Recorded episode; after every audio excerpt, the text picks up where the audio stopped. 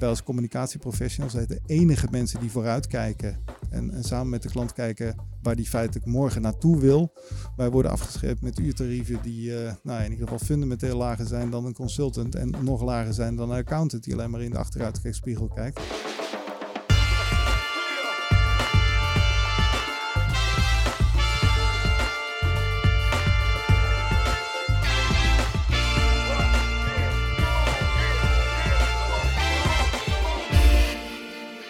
Hallo, goedemiddag, avond of goedemorgen, wanneer u dit ook luistert. En welkom bij de Brief, de podcast over content, marketing en media. Vandaag is het dan toch wel afleveringetje nummer 63, zei ik de vorige aflevering ook, maar dat was het toen niet, toen was het 62. Dit is aflevering nummer 63, vandaag is het 18 november 2019. Aan mijn linkerhand een bekend gezicht en een warm stemgeluid. Waarde vriend en collega Matthijs Stielman. Hallo. Hoi. Hi. We hebben een openingsvraag voor je. Welke? Verras me. Heb je nog leuke content gezien in de afgelopen tijd? Jazeker. Ik wilde deze aflevering, um, ja, de Spotify 2019 Wrapped uh, ja. app, e-mail, wat is het? Um, ja, dat doen ze elk jaar en ik vind dat echt elk jaar gewoon zo briljant gedaan. Sowieso vind ik het altijd heel tof om te zien wat ik nou eigenlijk allemaal geluisterd heb dat jaar. Voor iedereen die het niet kent, overigens Spotify stuurt je dan een mailtje, dan log je in op een pagina en dan krijg je een heel tof vormgegeven overzicht van de muziek die je hebt geluisterd dat jaar, uh, de tracks die je het meest hebt geluisterd, de albums, waar ze vandaan kwamen, uit welke landen, uh, genres, noem maar op. dus ontzettend veel leuke input voor data nerds zoals ik. Playlists zijn gekoppeld en um, ja, dat alleen al is super tof. Maar wat ik ook heel mooi vind is dat je op de dag dat die e-mail verstuurd wordt, je Instagram feed niet kunt openen zonder dat je 200 van die dingen tegenkomt.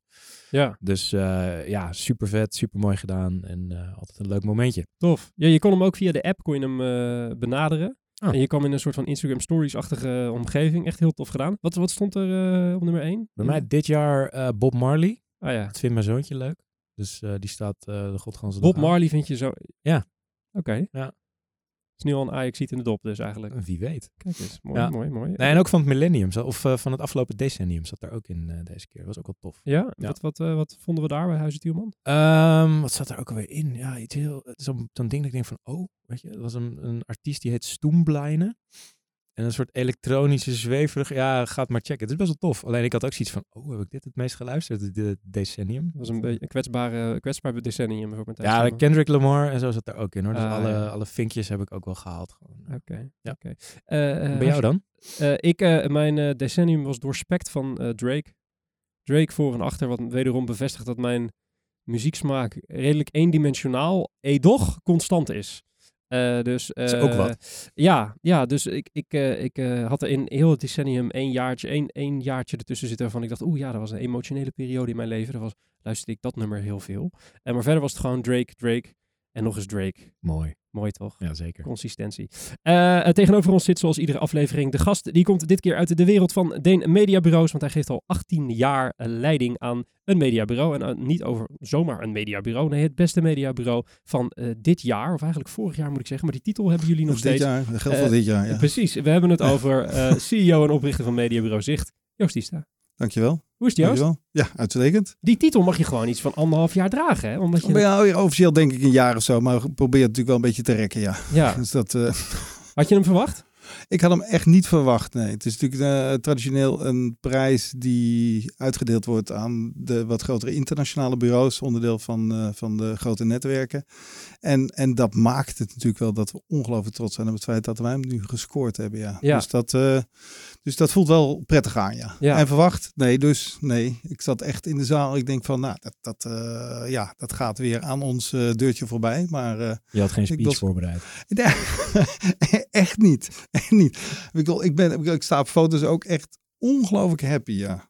Dus dat is, uh, dus, ja, nee, niet verwacht. Heerlijk, ja, ik zat, ik, ik, zat toevallig, want het was tijdens het All Out Festival, wat volgens ja, mij door M ja. MWG natuurlijk ieder jaar wordt gedaan. Vorig jaar in, uh, het was warm, dus het was mei, juli. Het was warm, maar te koud om de hele avond buiten te staan. Ja. Dat kan me nog herinneren, maar dat is natuurlijk altijd in de zomer in Nederland en, en ja. Ja, je zag er, je zag er, jullie, jullie zagen er erg, erg gelukkig uit. en ik moet ook zeggen dat wij wij zijn natuurlijk van oorsprong een exploitant, een kleine exploitant. Uh, die ook vaak vocht tegen grote reuzen in dit soort uh, uh, wedstrijden. en ik moet zeggen dat we een, een enige vorm van kameraadschap wel voelde toen we jullie zagen juichen. En, en de rest van de grote jongens een heel klein beetje beteuterd voor zich uit zagen. Ja, ik heb jullie, ik heb ook jaren in de jury gezeten voor, voor, vanuit de exploitant uh, om die te beoordelen. En dan heb ik altijd ook wel de case van uh, Kent voorbij zien komen. En ik moet zeggen, ja, was altijd onder indruk van de sprongen die jullie maakten.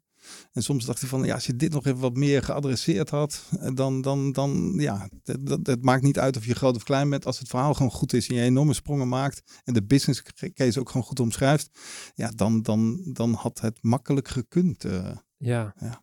Verdomd. Ja. Had, het, had het toch gekund. Nou, we zijn inmiddels exportant, exportant af. Als er ooit een categorie uh, content marketing bureau van het jaar komt, dan gaan we daar gewoon full force in. En dan uh, schrijven we jou een krat bier toe voor de, uh, voor I'm de, in. Voor de jury. helemaal, helemaal goed. We gaan straks verder praten met Joost. maar eerst gaan we even naar het nieuws.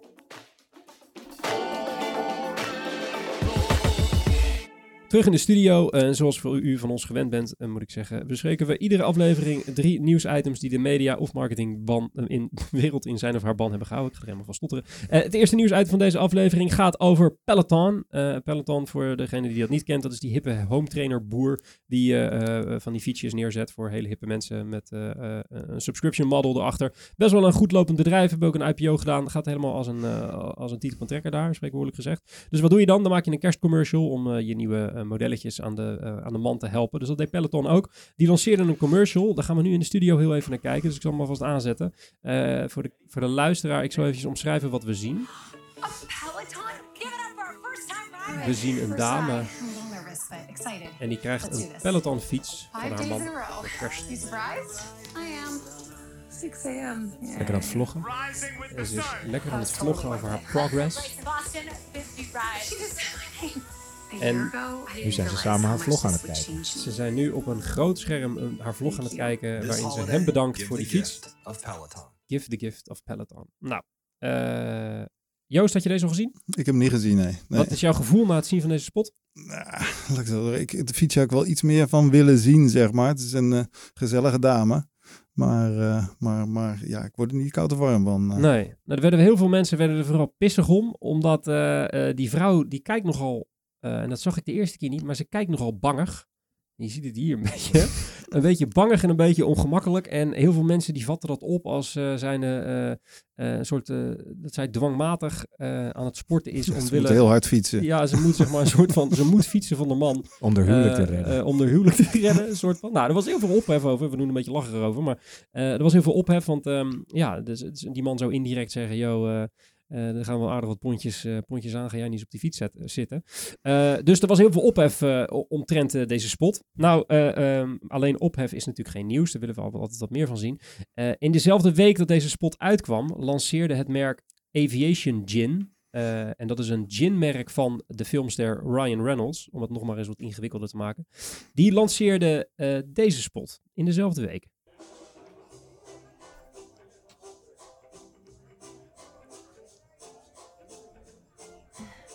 En in deze spot zien we dezelfde actrice. This gin is really smooth. In een bar zitten. We can get you another one if you like. Bangig voor zich uitstarend. To new beginnings. To new beginnings. Steun zoekend bij haar vriendinnen. En vervolgens klokt ze een glas gin in één keer weg. There you go. Take this too. En ze bieden er een tweede glas aan. Mm -hmm. Look great, by the way. Met als onderliggende gedachte natuurlijk, uh, deze plek en de bar is de enige plek waar deze vrouw haar man en zijn, uh, en zijn fiets kon, uh, kon ontvluchten. ik vond dit extreem knap dat dit binnen één week op poten werd gezet door dat Aviation Gin. Die Ryan Reynolds heeft er sowieso wel een handje van om met dat merk allerlei gekke dingen te doen. Het is echt een beetje een soort passion project van hem volgens mij. ik vond dit hartstikke grappig. Ik moest hier heel hard om lachen. Matthijs? Ja, ik vind het ook mooi. Ik vind Ryan Reynolds is ook gewoon een, een mooie baas. En inderdaad, de snelheid waarmee ze dit, uh, waarin ze intappen op het sentiment. En daar dus een volledige play op maken. En ook gewoon die actrice kunnen regelen. Dus exact diezelfde dame die gewoon meedoet. Ja. Dat is wel uh, goed gedaan. Ja, Joost, wat vond jij? Ja, lekker. Het verhaal wat je nu bij vertelt is natuurlijk gewoon super grappig als je dat op die manier zo boven water weet te maken. Het script is ook interessant. Ik vind de executie het wel iets spannender gemogen. De, van die tweede spot. Tweede spot en die eerste, die combinatie leg je ook niet zo direct. Ja. Dat is natuurlijk een gigantische markt waar we het waarschijnlijk over hebben nu. Dus je moet ook wel op safe spelen. Maar het wel iets spannender gemogen. De Ja. emotie had er wel iets meer af kunnen knallen. Ja, ja, ja. Dat mis ik nu een beetje. Ja, hij had, ik, ik, ik heb hem nu een paar keer gekeken en ik dacht, vind ik dit nou zo goed omdat hij zo heel subtiel erin zit? Eh, ehm, eh, want misschien is dat ook wel ergens de kracht, dat je echt heel goed moet kijken om nou erachter te komen wat het verhaal erachter is. Ik moet zelfs toegeven dat voor de eh, uitzending ik aan Matthijs moest vragen of ik hem nou wel begreep of niet. En ik begreep hem, godzijdank. Of wij snappen hem allebei niet, dat kan natuurlijk ook. Eh, eh, maar goed, eh, met name de snelheid waarin dit eh, opgepakt werd, eh, eh, viel te bewonderen. Is, dit, zou dit een soort, eh, zie je dit soort verzoeken, zulke korte klap ook wel eens bij jullie binnenkomen? Dat nou, ik eh, ik, bij ons niet. En ik denk in onze industrie sowieso relatief eh, weinig. Het zou veel vaker moeten. Ja. Die kans is er. Ligt ook gewoon eh, op de stip. En we zullen dat op termijn steeds vaker zien. Eh, maar samenwerken met andere partijen, snel schakelen. Ja, dat vergt wel dat teams er snel en makkelijk voor openstaan. En dat is, eh, ja, dat, dan moet je wel met zelfvertrouwen in de wedstrijd zitten. ja. Waar, waar blijft het liggen, denk je? Nou, ik doe soms in een traditionele manier van werken. Hè, Ja. Zo van briefingje, eh, laten we dit goed oppakken. Wat gaan we doen in het najaar? Hoe gaan we doen in het najaar? Ja, ik bedoel, dat zijn toch wat meer traditionele aanpakken. Hier, hier vergt gewoon snelheid. Ja. En dat... en Een dat beetje ballen. Ja. Ja, ja, ja. ja. Eh, nou goed, eh, eh, leuk. Leuk fietsje. drank, ook leuk. Tweede nieuwsitem van deze aflevering, Matthijs. Iets serieuzer van aard. Ietsjes, hè? Vertel. Ehm, ja, dat gaat over een dame, Madeleine de Kok Buning. en die heeft een nieuwe baan. Dat hebben we via de adformatie. Zij was de afgelopen zes jaar voorzitter van het Commissariaat voor Media. Dat is een ehm, instituut in Nederland die toezicht houdt op de naleving van de mediawet. En ehm, sorry, die ehm, ja, heeft dus bijvoorbeeld toezicht over de televisiezenders, maar tegenwoordig, eh, of sinds kort moet ik zeggen, ook over services als Netflix, Videoland, eh, Amazon. Ja. Ehm, dat die ook deze wetten naleven. En deze dame heeft een nieuwe baan. En zij wordt eh, Head of Public Policy bij Netflix. Nou, Ja. je verzint het niet. hè? Ja. Ja, precies. Dus eigenlijk, ja, als je het plat slaat, wordt ze chef lobby voor Netflix eh, in de, de EMEA-regio. Dus. Europa, Midden-Oosten en, eh, en Afrika. Ehm, ja, en dat precies op het moment dat, dat Netflix dus te maken krijgt met nieuwe Europese regels voor audiovisuele mediadiensten. Ehm, wat betekent dat ze bijvoorbeeld eh, meer lokaal geproduceerde content moeten gaan aanbieden. Ja. Ehm, maar bijvoorbeeld ook dat er eisen gesteld gaan worden aan de, de, de algoritmes die ehm, ja, de aanbevelingen regelen en zo. Dus dat wordt wel een spannende tijd voor Netflix. Ja, en deze dame heeft in de afgelopen jaren een enorme kennis opgebouwd over deze wetten. Eh, als ik het niet verkeerd begrepen heb, heeft ze er zelfs aan meegewerkt bij het, het opstellen van deze wetten. Ehm, en ze kent vanuit haar positie natuurlijk ook de posities van de directe concurrenten van Netflix heel erg goed. Dus ja, hier kan je een hoop van vinden. Ja. Wat vind jij ervan? Ja, ik vind het op zijn zachtst gezegd. Kijk, nou ja, kijk, laat het zo stellen. Eh, dit gebeurt natuurlijk overal en nergens. Eh, dat, je, dat er eentje overspringt naar, het andere, naar de andere kant van het hek. eh, naar een concurrent of iets dergelijks. Maar omdat het hier om de publieke sector versus private sector gaat. En ook nog eens om een toezichthouder versus degene op wie toezicht gehouden moet worden. V- ja, werken wel een beetje, eh, beetje cynisch van. Eh, los daarvan is, is het bij dat commissariaat voor de media, las ik vanmiddag NRC, sowieso een beetje een bende. Want die, die hebben ze ongeveer in november volgens mij een voorzitter, een vervangend voorzitter aangesteld, maar voor minimaal, voor maximaal een jaar. Want ze konden niemand geschikt vinden. Dus die dame die er nu gaat zitten, volgens mij was het een dame, die heeft te horen gekregen, nou je gaat het twa- twaalf maanden doen, maar eh, daarna iemand anders. Maar, Eigenlijk ben je niet geschikt, maar ga het maar even doen. ja, nou, ik weet, ik weet niet precies wie dat is. Dus het, het- het- maar gewoon het feit dat ze zo'n oplossing kiezen geeft al aan dat, eh, dat die zoektocht eh, op weg naar een nieuwe leider eh, daar niet zo heel lekker verloopt. Daarnaast hoorde ik dat er ook wat geëmmer was met nevenfuncties van die bestuurders die er dan wel zitten. Ja, al met al niet zo heel erg... klinkt allemaal niet zo kosher, als ik heel eerlijk ben. Nee. Ehm, maar de vraag is ander, aan, anderzijds, an- advocaat van de duivel, kijk, iemand die veel weet over slagerijen of over vlees, die wordt 9 van de 10 keer een slager. Dus het, het is ergens ook wel, deze vrouw had waarschijnlijk ook niet zo heel veel andere kanten opgekund dan de, ergens de media in. Ehm, maar blijft toch wel enigszins pikant en controversieel, Ja. vond ik. ja, het is eigenlijk jammer dat het niet illegaal is om te doen. Zeg maar. Het, het- vanuit Netflix gezien is het een, een super goede move. Ja, eh, ja van, nee, vanuit Netflix. Goeie move, goeie Ja. move. Ja, het is, goeie move. je koopt de spits van de tegenpartij. Ja. Dus dat is, eh, dat is vanuit Netflix, ja, eh, why the fuck not? Dus dat is hartstikke slim gedaan. Alleen het is vanuit, een, ehm, vanuit de overheid natuurlijk wel een beetje vreemd dat het kan. Ja. Eh, of zo. Er zijn wel kamervragen gesteld. Ja, Joost, Oh, absoluut, ja. Ja. ja. ik, Joost wat, is, wat is jouw gevoel? Ah, Miguel, ik, deel, ik deel direct je mening. Wil. Het is, het is hè, van een private omgeving. Of op die manier zo naar een private omgeving stappen met zoveel kennis en ervaring over zo'n markt. Ja, Miguel, dat, dat, dat is natuurlijk goud waard. Je bent een Amerikaan, je gaat naar West-Europa, ongelooflijk complexe markt. En je treft iemand onderweg die, eh, die op die manier kennis van die markt heeft. En dan is Nederland ook niet een van de makkelijkste. Dus dan denk ik dat je daar de rest van Europa ook je voordeel mee kan halen. Dus dat. eh, en ja, persoonlijke overwegingen zijn er gewoon. Hè. Die kunnen we niet eh, op afstand eh, doorzien. Als iemand zijn werk niet leuk vindt en gewoon een nieuw baantje wil. Ja, wie wat daarop tegen? Nee, absoluut. Ja. absoluut. Ik denk ook wel hetgene wat het, waardoor het extra eh, gevoelig is, is, is die komst van die nieuwe, of nou, het is eigenlijk volgens mij geen nieuwe wet, maar eh, Netflix en de streamingdiensten die vallen onder die nieuwe richtlijn. Dat maakt het natuurlijk nog wel eens wat extra gevoelig, dat ze ook nog eens overstapt naar een partij die eh, vrij recentelijk pas onder dat toezicht is gaan vallen.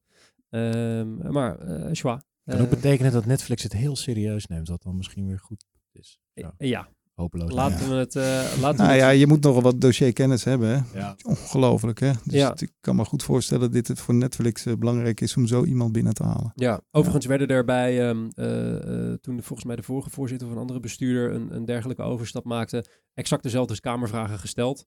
En, eh, en nu gebeurt dus weer exact hetzelfde. Dus Ja. Het zal wel een hygiënefactor zijn Symboolpolitiek. eh, in het wereldje. Eh, maar we wilden het toch even genoemd hebben, omdat we ergens toch ook enigszins politiek geëngageerd willen overkomen. Toch Matthijs? Zeker. Oké, laten we dan nu naar iets belangrijkers gaan. Eh, onze jaarlijkse traditie, de kerstcommercials review. Yay. Bruggetje. Eh, totaal geen bruggetje, maar dat maakt niet uit. Ehm, eh, wat gaan we hier doen? Nou, het- het is de Genieten. het is de kerstcommercials review. dus ja, we gaan kerstcommercials review, reviewen. eh, om maar een mooi Nederlands woord te gebruiken. Ehm, we hebben ze hier voor on- onze neus staan. We, we knallen ze ook nog in de show notes voor jullie. Dan kunnen jullie ze allemaal aanklikken en kijken. Maar als het goed is, word je er al mee doodgegooid. eh, vanwege alle rondjes tv en, en, eh, en pre-roll. eh, eh, die, eh, Knappe mediaplanning. Knappe mediaplanning, Joost. Dat is het. Effectieve impact genereren. Dat is het. Ehm, laten we starten bij Jumbo. Ehm, die, eh, die ziet er als volgt uit. Ehm, daar gaan we. Ja, jongens. Ik ben eerste kerstdag weer terug. Die voorbereidingen dan? Dat kan jij best. Alsof Tokio zo leuk is. En we zien de bekende eh, familie van de heer Lammers. Waar de vrouw op zakenreis gaat naar Tokio. En de man en kinderen de taak krijgen om het huis kerstklaar te maken. Want moeders komt terug op eerste kerstdag.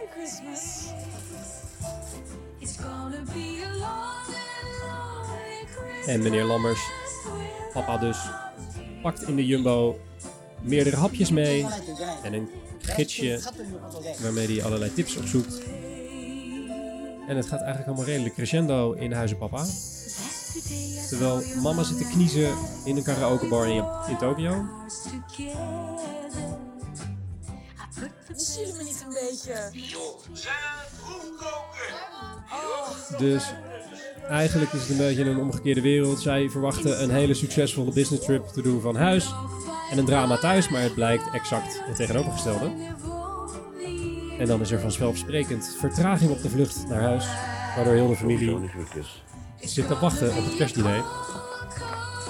En mama komt thuis, het is donker. Zijn jullie al naar bed? Ja, wat denk je? Had je niet even kunnen wachten? En natuurlijk zit heel de familie te wachten. Komt het gelukkig toch nog goed. allemaal goed. Cadeautjes uit Tokio. Spruitjes van de Jumbo. En het verplichte huisdier. Jumbo wenst iedereen een geweldige kerst. Nou. Dan gaan we. Joost, laten we voor de gein eens een, eh, een cijfertje 0 tot en met 10 doen. Oef, weet je wel, Lexo, ik, ja, ik, van een goede kerstcommercial heb, ga je echt diepe emotie eh, haalt dat boven, naar boven. En, en ja, ze hebben een prachtig track record, maar deze scoort bij mij ja, echt een zesje. Ja, waar ligt Dus dat, aan? eh, ja, omdat ik toch niet die enorme kerstgevoelens bij mezelf dan openbaar. En ik ben er echt ongelooflijk gevoelig voor. Ik vind dat je, ze hebben een fantastisch track record. En, en misschien dat script iets te ingewikkeld is en dat de emotie ook bij de acteurs eh, wat moeilijker vloeit of iets. Maar dat is, eh, maar, maar eh, ja, ik, wil, ik, kan alleen maar zeggen compliment voor wat ze leveren. En hier zat gewoon op de een of andere manier voor het gevoel meer in. En ja, in, me- dat raakt mij niet. Nee, Dat raakt mij niet. een zes. Matthijs? Ja, ik, ik- punten voor de familie, dat ze dat toch weer vasthouden. Die consistentie gewoon de afgelopen jaren merkt dat het, ja, merk ik aan dat je het, het is vertrouwd, je herkent het meteen. Dus dat vind ik, eh, vind ik mooi gedaan. Ook de andere karakters die inmiddels zijn geïntroduceerd. Tot de kat aan toe, volgens mij, is gewoon Ja. eh, bekend. Dus dat, eh, dat vind ik mooi. Maar hij is denk ik inderdaad, wat, wat Joost zegt, hij is ook een beetje complex. Van oh, ja, een hele enorme verhaallijn die in, eh, in, in een minuut uitgelegd moet worden. Dus ja, prima, maar ook niet meer dan dat. Dus een zesje is denk ik Ook een wel, zes. terecht. Ja. Ik, ik, ik, sluit, ik sluit me bij jullie argumentatie aan, maar ik geef het een 7, omdat ik vind dat het verhaallijntje dusdanig creatief is. Dat ik dacht, oké, want de, andere, de keerzijde van de medaille is dat het te, te cliché wordt. Ja, dan gaan we niet wel gemiddeld gaan we Nou, gaan- Oké, is oké. Zes en een half, zes- Nee, zes- ze- ja, drie. jij bent van de data, dus is, is het een eh, 6.25 en Zes nog een punten beetje. een beetje. Eh, eh, dus eh, de volgende. We gaan, eh, eh, waar gaan we nu heen? We gaan nu naar de, de, de appie. Eh, want eh, de appie heeft eh, vanzelfsprekend een nieuw gezicht, Ilse. En die vierde haar eerste kerst. Gewoon lekker iets simpels hoor. Zullen we kerst bij mij doen? Bij jou? Tuurlijk. Het zoontje zegt tegen haar, haar ouders, zijn ouders moet ik zeggen, zullen we kerst bij mij doen? Zo klaar. Rent vervolgens door de Albert Heijn, haalt allerlei boodschappenkaartjes tevoorschijn, knipt de recepten uit. Gevulde kalkoen. Heb je niet smakelijkers? Kies maar. Beetje Home Alone-achtig bijna. Het. Heeft een beetje een Home Alone vibe. Weet jij waar de borden zijn? Ik kan mijn schrik niet vinden.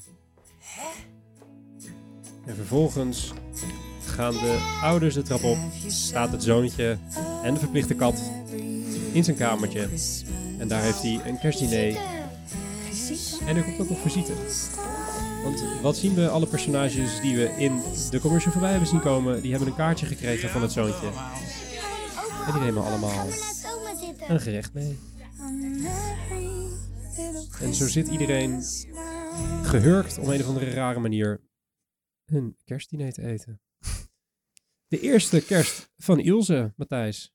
Ja, Vinden nee, we? nou, ik moet zeggen, ik vind die hele Ilse-lijn, vind ik eh, ja, eigenlijk om de eerder genoemde reden gewoon best wel weer slim dat ze dat doen. Ja. Ik heb alleen nog niet zoveel met Ilse en haar hele familie. Dus eh, ja, hou het vol en dan komt vanzelf goed. Ja, ik moet zeggen, ik vind dat, dat jochie vind ik wel leuk bedacht. Het is een klein verhaaltje, simpel. Dus, dus simpeler dan die van Jumbo. Ja. En misschien omdat ik zelf ook een klein zoontje heb, dat ik denk van, ah, Hebben ze je. ja, ik voel hem wel. Oké. Ik ga de kat kopen morgen. Oké, maar het cijfertje even snel. Nou, dit geef ik een 7. Zeven. Ja. Joost, het doet dit er wel Ah, voor ik, we zitten een beetje op dezelfde lijn, eh, proef ik. Eh voor mij ook een zeventje. Ik moet nog steeds wennen aan de familie. Eh, het eindshot vind ik cool. Dan, dan maakt het echt wel iets bij me los. Eh, het beeld is ook prachtig in die kinderkamer. Dus dat, eh, ik moet zeggen, dat, dat, dat creëert warmte.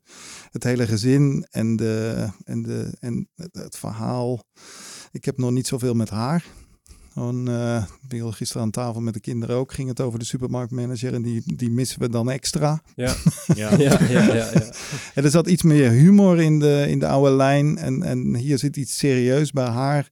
En dan, eh, en dan ja, dat, heb, krijg je eerder het gevoel dat je wat mist dan dat hij iets nieuws toegevoegd krijgt. Dus, Ja. Maar misschien moet ze zich nog ontwikkelen, Matthijs. Dus dat sluit me Ja. ook wel mee aan. Dus dat, dat het is. Ja.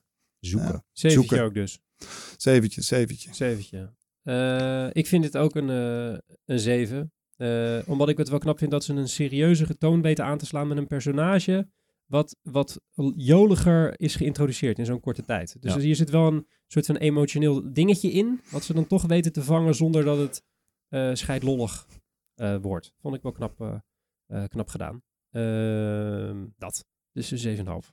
Ook omdat ik Je bent een stuk positiever dan wij. ja, jawel. Maar er moet toch iemand, er moet toch iemand een positieve stem aan tafel zijn, eh, Joost. Eh, de, de derde van, eh, eh, van deze. waar zullen we eens heen gaan? We gaan naar de plus. Ja, wat hoog te houden qua traditie. Plus gaat altijd voor de emotie, hè? Ja. We zien een pont met daarop een klein autootje. En daar in dat autootje zit een gezin met ogenschijnlijk het kerstdiner op hun schoot. Vervolgens snijden we naar een huis waar een vrouw, de moeder, de telefoon opneemt. En we zien een opa met een hand op een champagnefles. En vervolgens zien we in de scène daarvoor dat er gehaast uit het eerder geziene huis ontvlucht wordt, inclusief kerstboom. Met z'n allen de auto in Wat zou er aan de hand zijn? en op weg ergens Het heen. kinderke. Er is bijna geen benzine meer, maar we besluiten toch vol gas door te rijden. Vader zit stilvloekend in de auto. Dat... En jawel, er moet geduwd worden. Uiteindelijk komen we aan in een ziekenhuis. En wat zien we daar? Jawel, het kindje is geboren. En wat wil je liever na een bevalling? Een bord met spruiten. Carpaccio. En Kijk. carpaccio, want dat mag je eindelijk weer eten. Ja, dat de moeder zo snel hersteld is, dat vind ik ook wel... eh, Ja, maar goed. Ja, Willen is kunnen, Details, Joost. Willen is kunnen. Ehm, nou, zeg het maar. Ja, open jij maar. Eh, oh, mag ik openen? Ehm, nou, ik zal je zeggen. Ik, eh, deze heb ik een aantal keer gekeken. Eh, er zitten een aantal hele leuke elementjes in. Dus die opa die eerst met zijn hand op die fles zit. En vervolgens zie je waarom die daar dan zit. En je, als kijker heb je eh, snel door ze zijn dus weg moeten vluchten. Er, of ergens voor. Of ze gaan ergens nou op weg. Maar dat ze dan naar een geboren kindje gaan. Dat vond ik de meest makkelijke eindbestemming, zeg maar. Ik had Mhm. gehoopt op nog om op, op of op een andere locatie of op, of op een op een eh, maar misschien is dat ook wel juist de simpliciteit, ook wel weer juist de kracht. Eh, ik vond deze wel, eh, denk ik, het mooist gemaakt. Het meest filmisch gemaakt. Ehm, eh, dat, maar ik vond hem niet zo goed als in de afgelopen paar jaren van hun. Een cijfertje. Ja, dus ik, ik, ik land op een 7,5. Vind ik be- ja, best Oh, is beter. Ja. Ja. ik land op, eh, op een gelijk, eh, gelijkspel met Albert Heijn. Ja, ik moet zeggen dat, dat link- wat jij net zegt eh, met, met, met het kinderke Jezus, die had ik nog helemaal niet gelegd. Maar dat is inderdaad ook pretty obvious nu, inderdaad. Ehm, ja, het is ook gewoon de lat van Plus lag hoog. Want die afgelopen twee jaar, zeker die van twee jaar geleden. Zaten allemaal met- jankend op de baan- die, de was- die kwamen Ja, binnen. ja. Dat is echt goed gedaan. En deze is inderdaad wat jij zegt. Die suspense die opgebouwd wordt. Je ziet die mensen in die auto zitten. Je hebt echt, wat is hier aan de hand? En dan is het inderdaad redelijk, redelijk gewoon dat er een kindje geboren is. Dus eh, ja. Ja.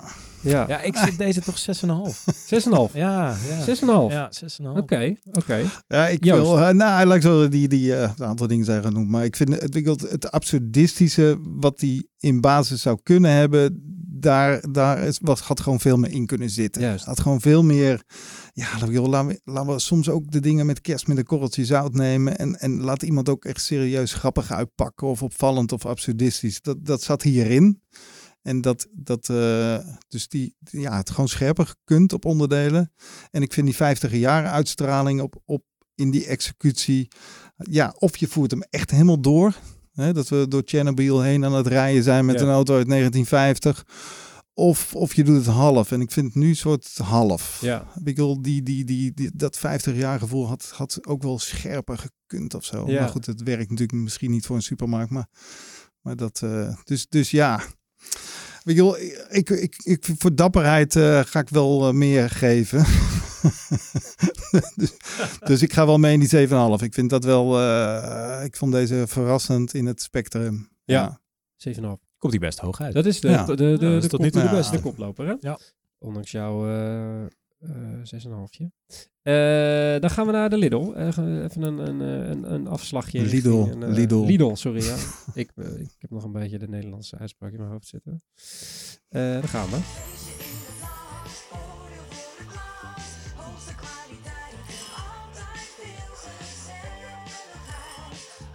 Ja, Lekker liedje. Het is een onvervalste oorworm. Vooral die eerste twee eh, zinnen. En we zien eigenlijk heel simpel een hele grote familie, of families moet ik zeggen, uh, het kerstdiner voorbereiden. Eetelijke kerst van met ons uitgebreide, delicieux feestassortiment. Lidl, de hoogste kwaliteit voor de laagste prijs.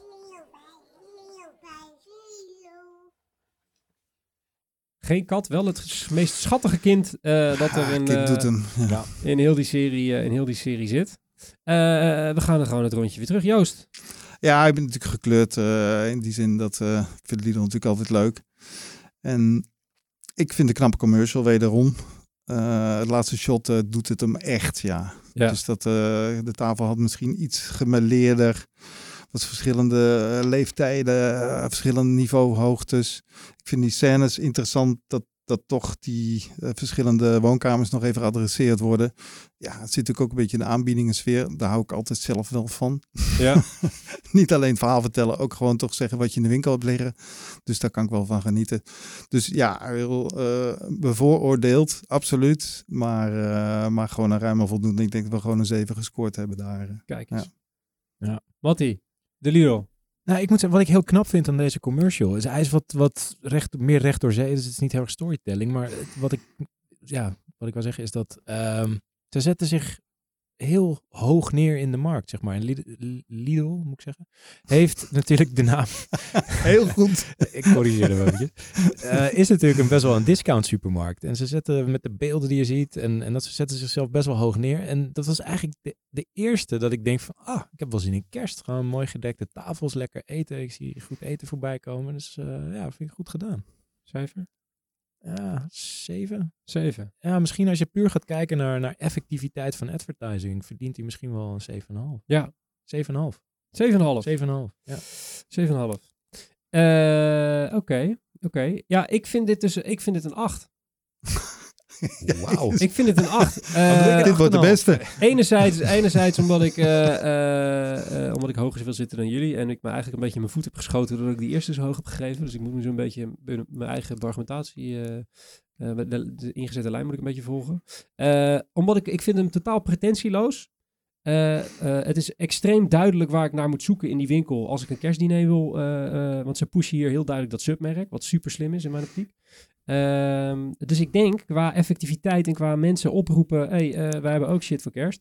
Uh, denk ik dat deze, dat deze spot dat super effectief doet. En uh, waarbij het bij die andere spots, ja, heel eerlijk, is het gewoon een heel klein beetje een wedstrijdje verpissen tussen advertising agencies natuurlijk. En dat is ook mooi, dat moet ook. Ik denk dat heel veel mensen dat ook mooi vinden en er een beetje uitkijken naar die spots ook. Maar als je het hebt over commerciële kracht, dan, dan heeft dit wel, ik denk dat dit een extreem hoog scorings, uh, uh, scoringskans heeft. Het is een soort, het deed me een beetje denken aan de tros.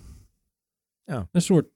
De familiegevoel, toch? Voor iedereen, ja, toch? Ja. Gewoon voor iedereen. Ja. Ik, iedereen, iedereen kan er langs, iedereen vindt er iets. Uh, en dat kindje, dat maakt het inderdaad helemaal af. Dus het is, uh, ik vond het echt, uh, ik vond het heel goed. Ik denk wel dat je je kind wat minder tv moet laten kijken als ze zo Het woord Lidl zit er wel in, ja. ja. ja. Ja, oh, en dat, ja, nou goed dat je het zegt. Wat ik ook tof vind, is dat ze gewoon een soort uh, ouderwets terug hebben gegrepen op de, op de oorworm als reclametool.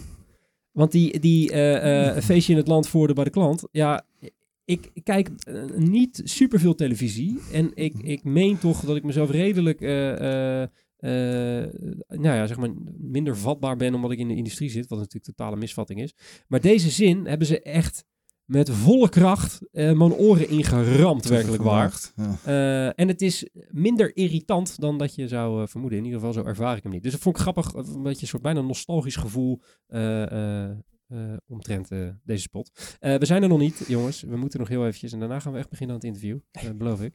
anders zitten we heel de aflevering op de co-op te lullen. de co-op. Ja. Ah, die duurt maar 30 seconden. Duurt maar 30 seconden. December haalt het beste in ons naar boven. Gelukkig kan je er met Co-op het hele jaar voor elkaar zijn. Ja, we zien hier samen zijn. We zien een busje van de voedselbank. December lekker voor elkaar. Aan, het hele uh, aan het rijden bij uh, Co-op. Co-op. Samen maak je het verschil. Samen maak je het verschil. Uh, en we zagen ook nog een, een dame die uh, heel netjes koffie ging uitdelen aan gemeentewerkers buiten. Kortom, een, een samen zijn van je welste. het was snel voorbij. Joost? Ja, ik het, is, gewoon een commercial. Uh, hij valt niet op in het, uh, in het totale spectrum van datgene wat er voorbij komt als je gemiddeld uh, reclameblok pakt. En het is ook een, gewoon een koopcommercial. Dus ook daar valt hij voor mij niet echt op. En ik heb altijd met die payoff samen maak je het verschil. Ik wil, het, het aantal payoffs waar het verschil in zit, is, uh, maak je geen verschil meer mee. dus, dat, uh, dus ik moet zeggen, ja, uh, ik bedoel, creatief zitten ze best wel op een goede weg. Maar, maar hier zie ik het niet in terug. nee.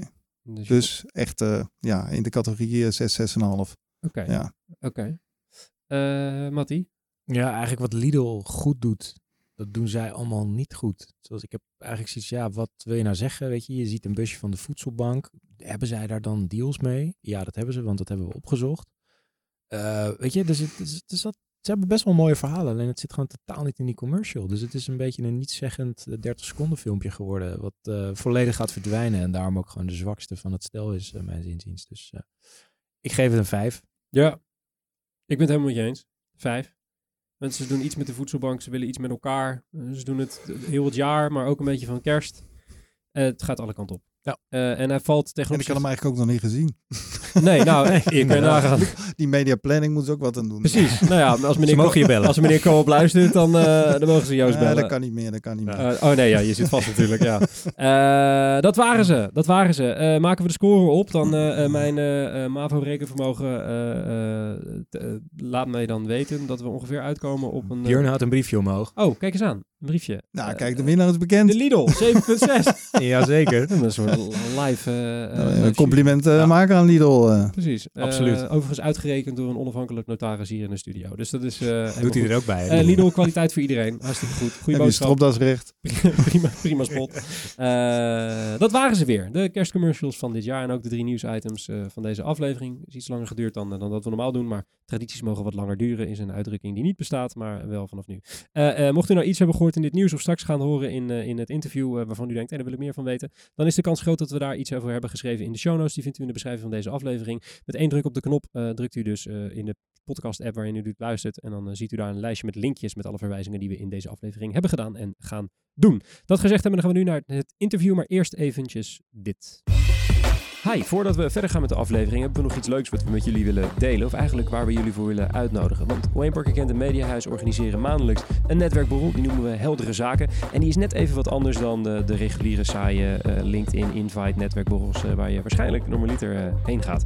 hoe ziet Heldere Zaken er precies uit? Nou, binnen 40 minuutjes lopen we je door heel snel aan de hand van twee interessante gasten door een specifieke case en een specifiek thema heen. En na 40 minuutjes, en we hebben een klok, tellen we af en gaan we met z'n allen gezellig een biertje drinken en een pizza eten aan onze eigen bar. Ja, we hebben een bar in kantoor. Reden dus genoeg om te komen. Entree is helemaal gratis. Inschrijven kan via wayneparkerkent.com slash heldere zaken of het linkje in de beschrijving van deze aflevering. Hoop je snel te zien bij Heldere Zaken. En dan nu verder met de show.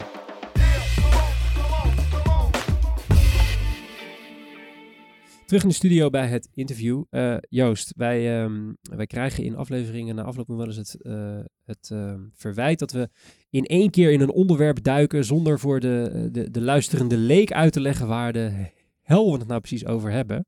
Dus ik heb een hele platte openingsvraag voor je. Ehm, wat doet een mediabureau? Zou alle kanten... Kort door de bocht, ja. ja. dat hoor je het in elevator pitch hoor je dat natuurlijk altijd heel keurig te zeggen in één minuut mediabureau is intermediair tussen uh, media-exploitanten en de klanten om ervoor te zorgen dat ze het maximale uit hun marketing-communicatiebudget halen. En Juist. dat uh, met name uh, ingericht op media. Juist. Dus adverteerder komt naar je toe, heeft een zak geld, die zegt: Dit zijn de doelstellingen, wat moeten we doen? Wat moeten we doen? En ik wil het zo snel mogelijk realiseren en tegen de minst mogelijke investering. En dat is natuurlijk het werk. Ja, het klinkt allemaal heel financieel-economisch, maar dat is natuurlijk wel waar onze industrie ook voor staat gewoon zorgen dat doelen die er uh, in de directiekamer worden besloten, dat die gehaald worden. Dat is natuurlijk, uh, ja, het klinkt allemaal niet heel creatief, maar dat is natuurlijk wel wat ons vakgebied als opdracht meekrijgt. Juist. Ja. En, en uh, liggen die doelen altijd al zo concreet vast? Of, of zie jij het ook voor jou een rol weggelegd om daarover mee te praten? Heel, bij te sturen misschien? Lekker het feit dat je, dat je het vaker gedaan hebt en daarin ook een stuk coaching kan zijn voor, voor C-level. Ik denk dat dat absoluut ook een rol is die naarmate je langer in het vak zit, uh, krijgt. Uh, Dus, dus, dus het antwoord daarin ja. Maar goed, ik ga niet op hun stoel zitten. Ik ben niet de marketeer. Ik ben ook niet per definitie degene die communicatieverantwoordelijk is. Vanuit je eigen discipline uh, kan je daar C-level ook ondersteunen. Ja. ja. En je hebt, je hebt uh, redelijk lang in de media gewerkt. En in 2001 besloot je, ik ga een eigen bureau oprichten. Ja. Um, waarom deed je dat? Waarom? Uiteindelijk is het nooit één reden hè, waarom je komt zelf uit een. Uit een mijn, mijn vader en schoonvader waren ondernemers, dus het zit waarschijnlijk ook een beetje in je. Het is een optelsom van verschillende dingen. Ik heb fantastische werkervaring gehad bij, bij DB Reclameservice, wat nu onderdeel is van de Omnicom Groep. En daarna langdurig bij Nistif gezeten en ook met ongelooflijk veel plezier daar uh, gewerkt. Dus het is een opstelsom van verschillende dingen. Maar uiteindelijk doe je het wel. En dat heeft dan te maken met het feit dat ik vond dat, dat wij ons métier op een andere manier moesten inrichten. Een intermediair werkt hè, in feite voor twee kanten. Je werkt voor je adverteerders, je klanten. En, en deels uh, zit er ook een stuk honorering van leveranciers aan vast. Zo was het altijd en zo is het deels nog steeds zo. En ik vond dat dat moest eindigen. En dat betekende dat ik voor mezelf start en zei van ik begin uh, te werken en uitsluitend voor adverteerders. En op het moment dat die mediapartijen wat druk geven en zeggen van Joost, er zit er voor jou ook wat in op het moment dat je uh, jouw klant adviseert onze kant op te komen, zei ik van ja, toeledoki, daar doen wij verder niet aan mee. Dus dat was een nadrukkelijke keuze om heel dicht tegen die klanten aan te gaan zitten. Met als voordeel dat we daardoor ook heel betrokken waren in de businessplan van onze klanten. Nou, en uiteindelijk, uh, zoveel jaar later, uh, is dat ook bewaarheid geworden. Uh, met alleen bereik kom je er niet als je dat presenteert aan je klant. Je moet echt nadrukkelijk kunnen zien bij de klant wat er gebeurt met de dingen die je doet. En dat heeft dan met vertrouwen te maken. En, en dat betekent dat je toch ook heel nadrukkelijk moet laten zien waar je je centen aan verdient. Was dat, was dat destijds in 2001 uh, dan ga je wel te tegen de stroom in, hè? wat je zelf uh, net al zegt. Was dat, een, een, was dat lastig om te verkopen in het begin? Ik zelfs nu is dat nog steeds heel lastig. Dat, dat, ik wil ook zeggen, het vakgebied is er niet transparanter op geworden in die twintig jaar dat ik, dat ik nu bijna zicht heb. het, is, het is eerder, ik zeg altijd, tegenpartij wint. dus het is eerder niet transparanter geworden voor adverteerders in de breedheid. Het heeft te maken met uh, de veelheid van keuzes die adverteerders hebben. Het heeft te maken met het feit dat technische kosten en allerlei softwarekosten erbij zijn gekomen. Dus dat maakt dat het, dat het bos uh, alleen nog maar dichter is geworden voor opdrachtgevers. En op het moment dat je daar uh, naïef als een soort roodkapje instapt, dan, dan is dat uitermate complex. En complexer zelfs dan twintig jaar geleden. Ja. Wat vinden je concurrenten ervan? Lectoren die spreken niet altijd. je wordt geweerd in ieder congres. nou ja, ik bedoel, dat, dat, dat, uh, ik, bedoel, ik denk stiekem dat ze, uh, als ik mijn Nederlandse opponenten en daar, daar gewoon de eindverantwoordelijke voor neem, dan, dan ja, die gunnen je ook wel de positie in het spectrum van, van unicum en, en apart. Ik denk dat sommigen daarvan dat stiekem in hun hart ook wel graag uh, zouden willen. Uh, maar ja, onderdeel van een internationale organisatie, wat de meeste natuurlijk zijn in ons vakgebied, maakt toch dat je daar, uh, daar niet altijd een zegje over hebt. Ja. En je, je, je, je, je bent uh, altijd redelijk open over je positionering ten opzichte van, van de rest, hè, wat jullie anders doen. Dat doe je al vanaf het begin, dus al 18 jaar er is nog niet echt een andere partij omhoog geborreld die, die denkt, ik, ben, uh, ik, ik richt een tent op en ik ga gewoon precies hetzelfde doen. Je bent nog wel een soort van enige unieke speler met jullie handelswijze. Hoe, hoe komt dat, denk je? Nou, omdat het ongelooflijk geld kost. dat antwoord is natuurlijk gewoon simpel. Transparantie, ik zou er bijna een boek over kunnen schrijven. Dat, dat kost natuurlijk primair ongelooflijk veel centen. Mensen realiseren zich dat niet. of het nou over duurzaamheid gaat, of verantwoord ondernemen, of transparantie puur en alleen als woord. dat, dat, dat in onze industrie transparant werken. Hè, voor 100% alles laten zien aan je klant uh, wat je doet, hoe je het doet en waarom je het doet en wat je eraan verdient. Dat kost handenvol geld. Hè, hoe makkelijk is het niet om op de een of andere manier op een makkelijke manier iets weg te barteren of op een makkelijke manier iets, iets hè, ik heb 10 klantjes van 10.000 euro en ik voel mezelf een klant van 100.000 euro en ik ga daar voor mezelf ook iets uh, proberen te onderhandelen. Dat, dat, dat niet doen kost iedere dag ongelooflijk veel geld. En de revenuen zijn vele malen hoger. Dat heeft te maken met het feit dat je structureel op een verantwoorde manier omgaat met je business. Uh, en dat heeft, heeft te maken met het feit dat je vertrouwen krijgt van klanten. Wat maakt dat je over een lange termijn uh, relaties met ze aan kan gaan. Maar, maar ja, primair uh, is het, vandaag kost het gewoon geld op het moment dat je zegt dat je transparant gaat werken. Ja, dus het is niet voor de korte klap inderdaad. Wat, Nee. wat, wat, wat betekent dat voor jullie, eh, voor jullie business, businessmodel? Is, is dat een, een urenmodel waarop je Het is, draait, het is primair een urenmodel, absoluut. Eh, eh, eh, en, en, en uren worden op een gegeven moment fee-achtige structuren. Voor, voor een aantal klanten werken we natuurlijk gewoon structureel. Dat maakt dat je daar op een fee eh, zit. En, dat, en, dat, en natuurlijk breek je de technische kosten door van partijen die, die, die je inhuurt om de dienstverlening op je klanten optimaal te zetten. Maar primair is volledig op uren gebaseerd. En klanten hebben daar volledig inzage in. Ja. Schrikken je klanten daar dan ook niet van? Dat ze natuurlijk hele andere facturen gewend zijn. bedoel, en- eh, ja, de klanten die ervan schrikken zijn geen klant bij ons. Dat, dat, eh, dat, dat, je krijgt de klanten die een evolutie doorgemaakt hebben van onze industrie. En die weten dat, dat consultancy, dat daar een urenmodel aan zit. En, dat, eh, en ja, op het moment dat de klant vraagt eh, 15% retourcommissie, waarvan, waarvan we allemaal als professionals weten dat het niet meer bestaat. En dat dan ook nog eens een keer daar een percentage van willen hebben, dan, dan zit er in die evolutie van de opdrachtgever, daar zit nog tien jaar tussen. en dus die krijgen wij niet als klant. ja. Wat Het- voor mensen komen wel naar jou toe als klant? Het, het, zijn, het, zijn, het zijn met name marketeers en communicatieprofessionals die meerdere ervaringen hebben met, met, met intermediairs. Die goed in staat zijn het proces te managen van bureau, onderzoeksbureau, studio eh, en, en het mediabureau of het online bureau daaraan gekoppeld. En die gewoon weten waar een professional goed toe in staat is en wat die toevoegt en wat die kost. En dat, eh, ja, die, die partijen melden zich bij ons. Ja. Betekent dat eh, zo'n stellingname ook dat je soms klanten moet, moet afwijzen? Dat je zegt, dit is niet hoe we werken met elkaar. Dus ben je al in zo'n positie? Nou, laat ik zo. Ik wil, ik wil, als je het zo stelt, ja, dat komt echt wel voor. Je ziet wel bij bepaalde, en ja, dan heb ik het over kleinere opdrachtgevers die. Dan, dan, dan merk ik wel dat er een discrepantie zit tussen de kennis die ze hebben van onze markt versus daar waar wij staan. En dan, en dan eh, ja, afwijzen doe je natuurlijk niet. Dat, dat klinkt wel heel erg cru.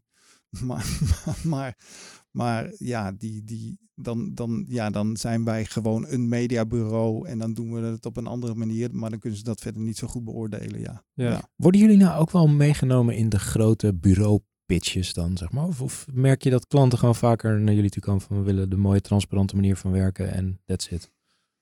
Uh, pitch is natuurlijk een enorm ding in ons vakgebied. Ja. Eh, je hebt de internationale pitches en de nationale pitches. Je hebt de internationale merken waar de marketeer in Nederland zelfstandig kan kiezen en, en dus een pitch kan organiseren. Het is een, een enorm divers eh, spectrum. Eh, we doen met pitches mee waar, waar zeg maar de, de Big Five eh, mediabureaus aan meedoen. Maar een aantal daarvan daar worden wij niet voor uitgenodigd. Omdat, omdat zelfs het nationale kantoor niet eens weet dat die pitch gaande is. En dat die ergens in Amerika plaatsvindt. En dat ze dan een appje krijgen. S ochtends worden ze wakker en hebben ze een nieuwe klant gescoord.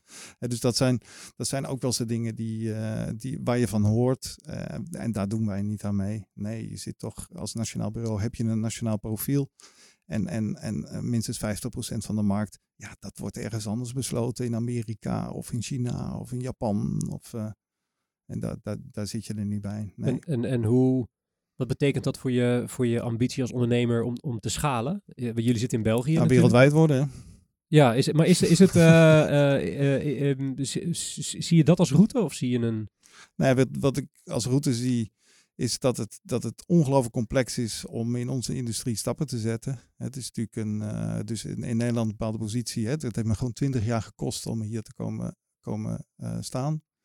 En, eh, in België zie ik ook, het is, het is, het is een stroperige markt, complexe markt. En dat betekent dat het jaren kost om een bepaalde positie te, te... Dus ja, mijn concurrenten chapeau. Hè. Natuurlijk als je internationaal bent, is ongelooflijk knap hoe ze dat wereldwijd hebben kunnen neerzetten. Eh, de WPP's en de, de Omnicoms en IPG's van deze wereld. Dat is natuurlijk ongelooflijk knap. Deels ook door overname. Eh, dat, eh, dat is knap. Maar echt autonoom groeien, en zeker in een land als West-Europa, wat gewoon heel specifiek is, heel complex. Ieder land, hè, Duitsland is niet één land, het is vijf landen.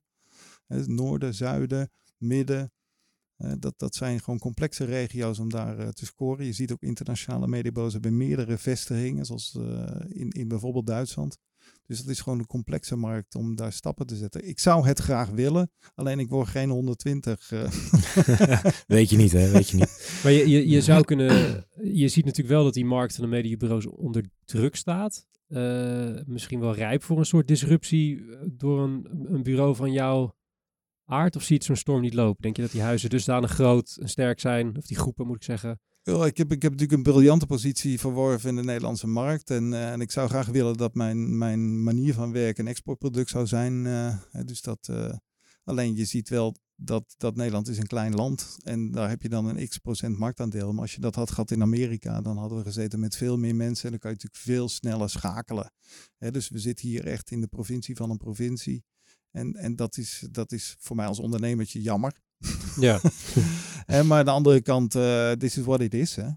ja. Wat, wat, wat, betekent het concreet voor je, voor je bedrijfsvoering? Je hebt natuurlijk bij een ander, aantal andere partijen onder de motorkap gewerkt, om het zo maar te zeggen. Dat is een rare uitdrukking. Maar uh, heb jij jouw bureau op een andere manier ingericht? Zoek je naar een ander soort mensen bijvoorbeeld? Of heb je andere processen bedacht die aansluiten op jullie manier van de markt nou ja, ik, ik, financieel weet ik goed hoe het bij de conculega's aan toe gaat. En, en het feit dat je een nationaal bureau bent en transparant bent en efficiënt ingericht bent, hè, dat, dat maakt dat je, dat je kan werken. Op het moment dat ik ook internationale afdrachten zou hebben of, of financiële verplichtingen naar het buitenland, hè, dan, dan kan het bijna niet dus dat uh, je ziet, uh, wil bij initiatief uh, werkte ik en een derde van, het, van, van wat we verdienden stuurden we naar de overkant van de plas bij wijze van spreken. Ik weet niet of dat nu nog steeds zo is, maar dat, zo gaat het bij die internationale partijen. Dat hebben natuurlijk ook de nationale partijen niet.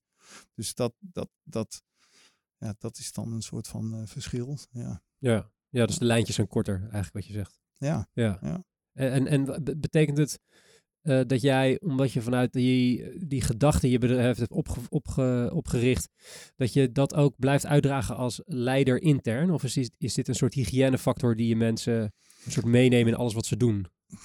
Cultuur is natuurlijk een belangrijk ding. Vroeg je net ook naar. Uh, in het begin dacht ik van ja, het is gewoon technisch zijn we anders dan onze conculega's. Naarmate we het langer doen wat we nu doen, heb ik wel gemerkt dat cultuur ongelooflijk belangrijk is. Ja, misschien omdat je zelf ouder wordt en dat je het dan misschien beter herkent.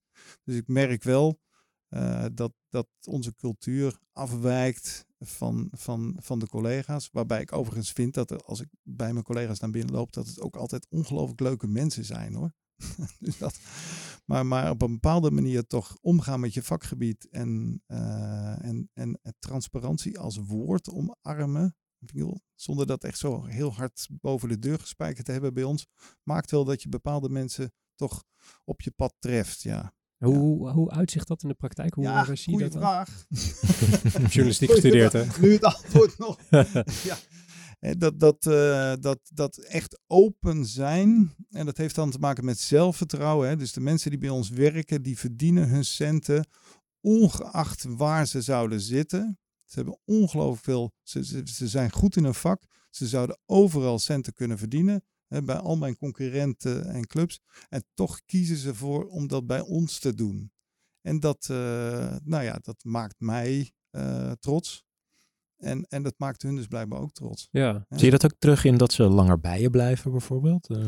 Ja, we hebben, en dat stond zelfs in het juryrapport, geloof ik. dus dan is het dat waar. Klopt, ja. ja. dan is het waar. Dat is waar ja. Dus dat stond inderdaad dat, uh, dat we uh, veel uh, collega's al langer bij ons in de organisatie zit. Waarbij ik overigens als ondernemer dat niet per definitie omarm hoor. ik denk dat impulsen van, van buiten cruciaal zijn om onze organisatie toch gewoon iedere keer weer wakker te schudden. Dus daar, daar waken we wel voor. Maar het klopt dat er veel mensen zich al, al, al, ja, ik bedoel, al jarenlang bij ons zitten. Ja. Hey, en kijkend naar je klanten, hè? Uh, al nou uh, 2019 om maar een cliché in te gooien. Met wat voor uitdagingen kampen die doorgaans? Zeg maar overkoepelend. Zijn het grote hoofdpijndossiers waar ze momenteel mee spelen? Nou, ik denk mediabureau is natuurlijk per definitie een, een organisatie die je inhuurt als het slecht met je gaat. En ik, ik, ik merk dat het met veel van mijn klanten heel goed gaat. Kan, kan je dat wat verder uitleggen? wat je zegt. kan je dat wat verder uitleggen? Dan... Nou, je, je, zoekt natuurlijk een partner op een mediabureau. Communicatie is natuurlijk gewoon cruciaal in, in, in, in slechtere tijden. We, eh, we kopen allemaal eh, artikelen en op het moment dat het slechter gaat met je artikelen, dan, dan probeer je ten opzichte van je concurrenten, concurrenten, want dat is natuurlijk de markt waarin we zitten in Nederland, ten opzichte van je concurrenten probeer je je positie te verbeteren. En dat betekent dat je, dat je, dat je extra gas moet geven. En communicatie is dus de manier om, om, om die doelstellingen te gaan halen. En we leven natuurlijk nu op dit moment uh, in Nederland uh, in hoogtijdagen. Dus met, met veel bedrijven en ook mijn klanten gaat het relatief goed. En dat betekent dat het beroep op onze organisaties in bepaalde periodes heb ik ervaren wat, wat, wat meer en nadrukkelijker aanwezig is dan, uh, dan nu het geval is. Dus dat, en, en, en, maar zijn er inhoudelijk kwesties bij de klanten waarmee het dan niet zo goed gaat? Uh, ja, het zijn altijd, weet je wel, dat, dat ons vakgebied is breed. Uh, de, de mediumtypen die al decennia lang bestaan. Uh, vanuit dit huis, als we het over een krant hebben, dat zijn natuurlijk artikelen die onze klanten ook heel goed snappen en begrijpen. daar hebben wij als professionals geen toegevoegde waarde. Maar, maar de complexiteit van, van cross-media inzet, dus de verschillende inzetten van verschillende media, die op verschillende manieren worden gerapporteerd. de Facebook Ad Manager is natuurlijk een fantastische tool daar, daar, kunnen onze, onze klanten ook mee samenwerken. Maar op het moment dat ze tv inzetten, op het moment dat ze Facebook inzetten, op het moment dat ze nog, nog nou ja, andere media online offline inzetten, double-click of, of adform uh, inzetten. wat werkt? Op welke manier werkt het voor mij? Op welke manier kan ik de verschillende mediumtypen en de verschillende ja, getallen die er op mij afgevuurd worden in de verschillende dashboards. Hoe kan ik die implementeren en, en verbeteren, omdat morgen de wedstrijd weer begint. Precies. Dus dat zijn complexe vraagstukken waar wij als professionals wel de aandacht voor moeten hebben samen met onze klanten. Ja, dus ja. ze zijn, uh, als ik het mag samenvatten, een soort op zoek naar een gids in die wereld van data die er over hun heen wordt gegooid in nieuwe Absoluut. kanalen en dergelijke. Absoluut. Hoe, hoe, eh, hoe ben je daar als mediabureau voorbereid? Want een klant die verwacht van jou dat jij gisteren weet wat het nieuws morgen gaat worden. Uh, klopt dat? Ja, dat klopt. Ja. uh, hoe, hoe zorg je ervoor dat je als, me als mediabureau on point blijft in die veranderende wereld en tegelijkertijd niet met alle winden meewaait? Want dat lijkt me ook nog meer een gevaar nou, ik hoef niet precies te weten wat het, wat het meest succesvol uh, nieuwsbericht van morgen wordt. Want sommige van de afspraken kan je natuurlijk relateren aan het succes van het medium op dat moment. Uh, bij sommige partijen maak je een fixed price. En als het nieuws heel goed bekeken wordt, dan, uh, dan hebben we wel extra revenue voor onze klanten. Maar, maar inderdaad, de, de, de, ja, je vraag gaat over hoe, hoe blijf je op de bal? Hoe, hoe, hoe zorg je ervoor dat je daar bovenop zit? Ja, dat betekent uh, toch al die mediumtypen zetten we in voor al die klanten. En intern overleggen we veel over de verschillende successen die er geboekt worden met, met oude of nieuwe media of crossmediale inzet. Uh, dat die kennis in je organisatie uh, en die er in de verschillende teams zitten, die moeten we toch, ja, dat heet dan afdelingsstrategie, die moet je toch met elkaar dan proberen naar boven te halen en onderdeel te laten zijn van, het, van de totale kennis in onze organisatie, zodat het gedeeld kan worden met buiten. En merk je dat je klanten ook eh, ruimte overhouden in hun budgetten om dingen te proberen, om nieuwe dingen te doen? Of is dat iets wat je moet adviseren aan ze? Nee, ik denk dat iedereen uh, in ons vakgebied, uh, marketing, communicatie professionals, weten dat als je doet wat je deed, dat je morgen dood bent. dat, dat, dat, dat weten we echt allemaal. Dat, dat uh, is zo onderdeel van, van het DNA van, van onze klanten, van ons, van, van de reclamebureaus. Dat, dat, ik vind het jammer dat we dat niet vaak genoeg eruit halen. We weten het. We weten dat we moeten vernieuwen en innoveren. En, en, en we doen vaak hè, mailtjes beantwoorden, Excelletjes bekijken, de briefing doornemen, zoals is, maar, maar wat meer aandacht uh, en, en daardoor toelaten dat je moet veranderen daar zouden we meer aandacht aan moeten besteden. Ja. Maar verandering is natuurlijk ook risico. Dus, dus hoe neem je je klant daarin mee? Nou ja, dat, dat, de, de, de, klant weet dat dat moet gebeuren. Dus wij als professionals worden ingehuurd om juist die deur daarin te trappen. En, dat, uh, en mijn, en mijn uh, wens is dat dat, dat uh, vaker gebeurt en harder gebeurt. maar ik weet hoe moeilijk dat is. Hè, mensen zijn gewoon mensen en doen wat ze deden. En, en ik merk als, zelf als ondernemer dat je, dat, je, dat je tegenover jou zitten zo 99 mensen die het niet doen. Hè? Hè, dat betekent dat je dus als ondernemer, je ondernemersenergie moet echt gericht zijn, puur en alleen op, op, op vooruitstappen. En inderdaad in dat diepe stappen. Want ja, er zijn genoeg mensen die je naar beneden trekken en zeggen van, joh, zou je het wel doen, joh? Ja, die, ken, die kennen we. Ja. Die kennen we. Hey, eh, we, we, we hebben hier een soort van terugkerende eh, eh, traditie in deze podcast dat we het ieder nieuwsoverzicht moeten hebben over Facebook of Google. Dan wel gewenst, dan wel ongewenst. Het is een, namelijk twee, eh, twee partijen die ons als, als eh, voormalig exploitant jongens, om het zo maar te zeggen, enorm bezighoudt. Jij staat als mediabureau in hetzelfde speelveld, maar ondervind denk ik niet dezelfde dreiging van die partijen die exploitanten wellicht voelen. Hoe bezie jij de komst van die eh, partijen, de macht die ze vooral hebben op de, op de advertising-markt? Ah, die macht is natuurlijk gigantisch. Hè? Dat, dat wat vroeger nationaal was en, en nu zo internationaal is. En zoveel geld. Hè? Dat is echt onvoorstelbaar. Hè, dus dat, dat, dat we daar met z'n allen kritisch op zijn. En dat we... Dat we dat- is niet meer dan terecht. Eh, eh, ik bedoel, ik, alleen wat ik er wel aan toevoeg altijd is dat ik, dat ik zeg van jongens, het is wel media. Hè? Wij- zijn de baas. En dat betekent dat, dat ik kom uit een periode, ja, dat is een beetje vloek in de kerk in dit huis. Hè. Ik heb ooit meegemaakt dat de Telegraaf een oplage had van 850.000. en dat, dat is gewoon een bepaalde periode. Dan, een, medium kan echt de koning zijn. En dat, eh, of dat nou de Gouden Gids is of, of, eh, of tv, hè, ik bedoel eh, 2000, 2010, hè, dat, dat miljarden die er dan wereldwijd in omgaan en ook in Nederland ongelooflijk belangrijk om voor adverteerders, maar ook gewoon de consument omarmt zo'n medium dan volledig.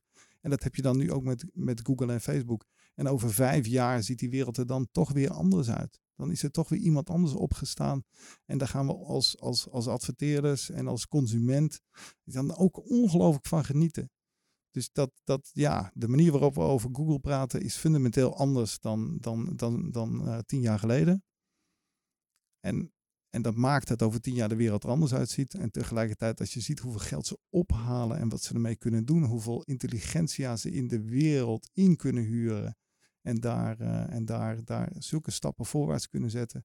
Ja, het is voor sommige bedrijven bijna onmogelijk om dat nog in te halen, denk ik wel eens. Maar het gaat wel gebeuren. Ja, dus, Hoop ik dan. Dus, dus ja, en, en, en, maar ondervind je er eh, hinder van vanuit jouw business? Of maakt het voor jou de doelstelling van jouw Ik bedoel, als ondernemer zie je altijd complex tussen, tussen eh, eh, beat them of join them. Ja, precies. En dat, en dat een pragmatische route is, is join them. Eh, maar, ik, maar ik heb ook opdrachtgevers die ongelooflijk groot zijn. En die ook wel zeggen van ja, het is, het is een Amerikaans product. We moeten een Europees product hanteren. Hè, waar worden de- data opgeslagen? Ja, ze zeggen dan zogenaamd dat het in West-Europa opgeslagen wordt. Maar klopt dat dan ook wel? Nou, ik vind dat terechte kritische vragen. Dus dat, eh, ja. Ja, ik kan me voorstellen dat het ook wel erg snijdt met jouw transparante... eh, Ja, zeker. eh, weet je, eh, Nou ja, ik wil dank voor, handelswijze. dank voor de voorzet. Maar, maar ja, ik wil, je, je kan niet. Je, ja, het principes zijn snoeihard, maar je moet ook op pragmatisch zijn op sommige momenten. En dat, dat heb ik wel al die jaren geleerd. Eh, Dat, dat eh, ja, die machine die ze gebouwd hebben, is op sommige momenten ook wel prachtig. Ja. Was jij, eh, om, nou, transparantie zit in jullie DNA, was je ook blij met GDPR toen dat kwam? Ik wilde puur vanuit de burger eh, vind ik het knap dat, dat we met z'n allen die stap gezet hebben. Ik wil dat de burger in die, op die manier beschermd wordt en die verantwoordelijkheid bij bedrijven ligt. Ja, dat, dat vind ik gewoon primair heel krachtig.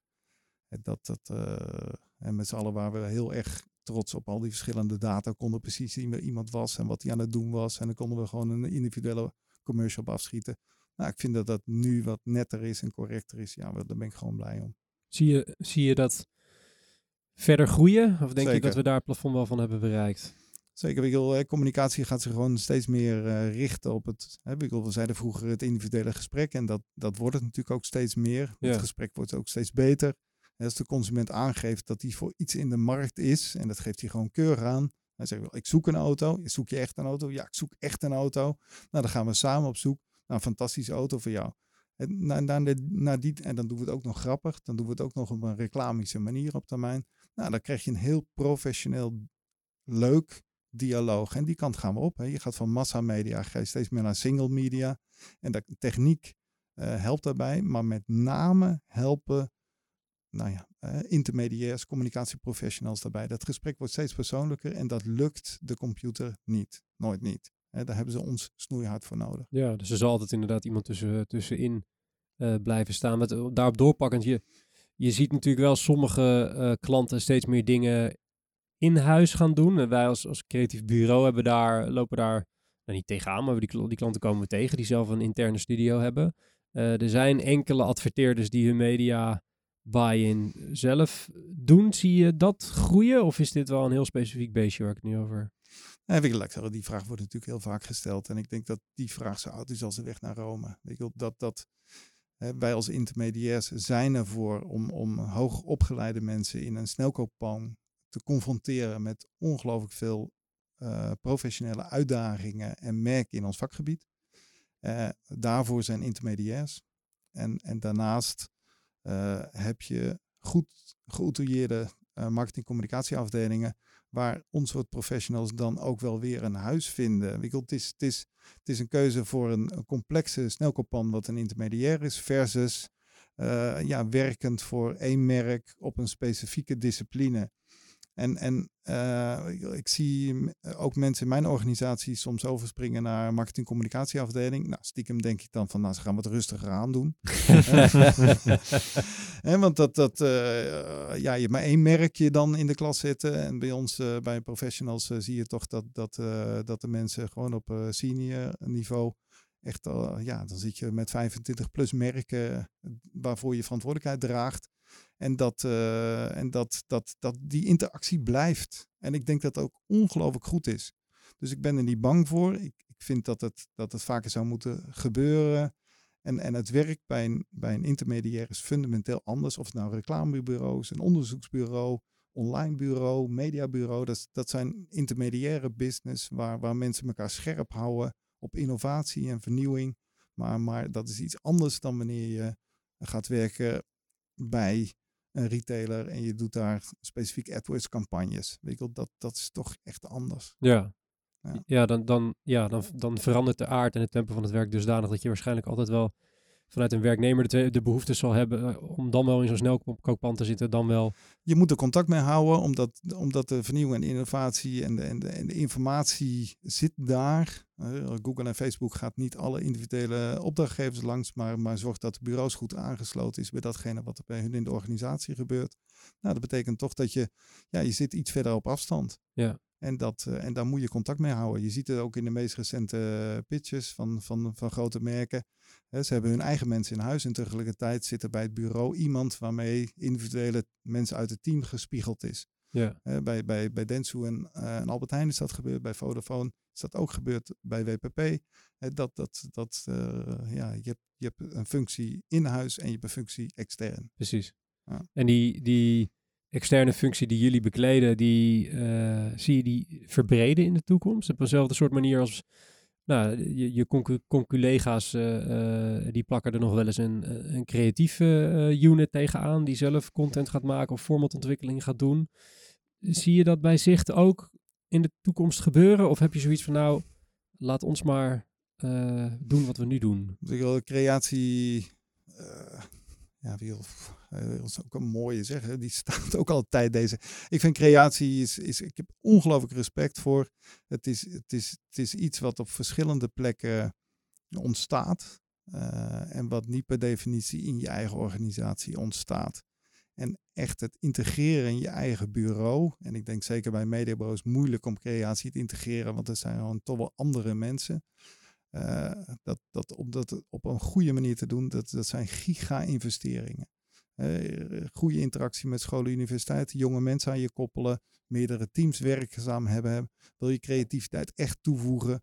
Dat, dat, dat, uh, dat lukt in de Nederlandse markt uh, heel moeilijk om dat, om dat goed te doen. En zeker in een huis wat vanuit een traditie niet een, ja, ik wil zeggen, creatief zijn we allemaal, maar een creatief huis is. En, en verbreding een andere kant op, dus een, een richting business consultancy, omdat je denkt, nou ja, je weet hoe communicatie omtrent een bedrijf verloopt. Dus een, verbreding richting die kant. Zou dat? Heb ik die, die, formeel vind ik dat we daar thuis horen.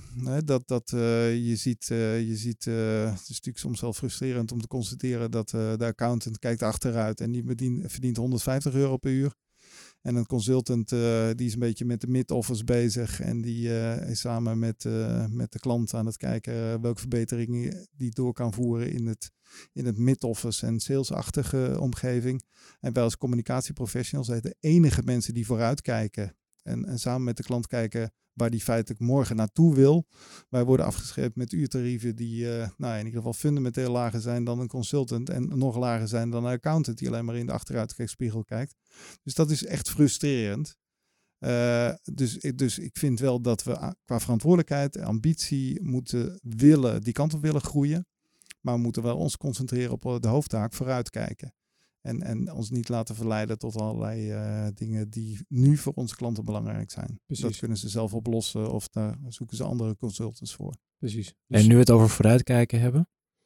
Wat, uh, hoe ziet zich eruit over tien jaar? Over tien jaar, ja, dan zijn we by far het grootste nationale mediabureau in Nederland. Uh, en, dan, en dan hoop ik ook een enorme aantrekkingskracht voor, voor, voor jonge communicatieprofessionals. Hè, die dan niet naar een internationale club hoeven. Dat, uh, dat hoop ik echt van harte. Uh, en ook uh, zelfs consultants die zich in ons vakgebied mengen. Dan denk ik van, nou, dan moet je van goede huizen komen om hè, dat, dat de creatieve bureaus, reclamebureaus, onze industrie echt te begrijpen. Dat lukt ook niet vanuit een Zuidtoren waar, waar, waar Deloitte op staat of Accenture op staat. Dus onze, onze industrie, de reclame-industrie, is echt uniek. En, uh, en ik hoop dat wij daar met zicht, een, uh, zeker voor Nederland, een ongelooflijk belangrijke rol in kunnen blijven vervullen. En dat, uh, en dat en onze industrie, hè, er zijn nu nog duizenden reclamebureaus, communicatiebureaus. Hè, dat, dat, dat zal de komende jaren toch echt minder worden. Of ik dat nou leuk vind of niet, dat is gewoon zo. Hè. Mensen hebben altijd een beeld bij een reclamebureautje. Dat zijn 10, 20 leuke jonge mensen die daar wat aan het doen zijn.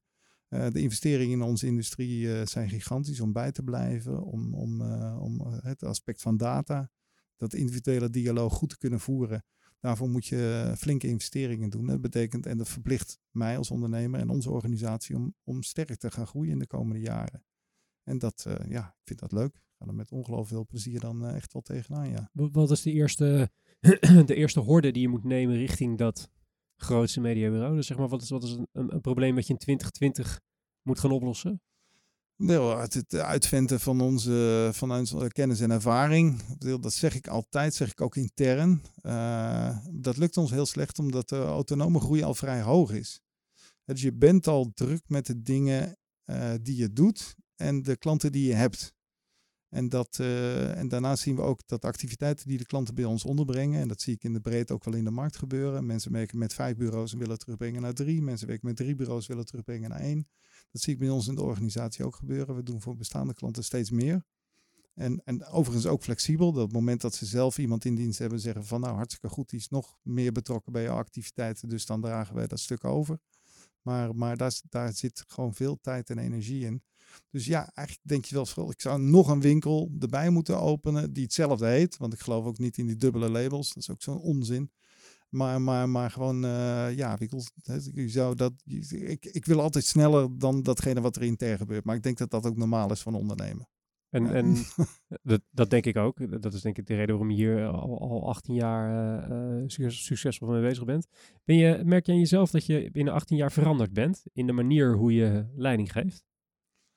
Uh, nou, ik, ik, moet wel zeggen dat ik na al die jaren meer.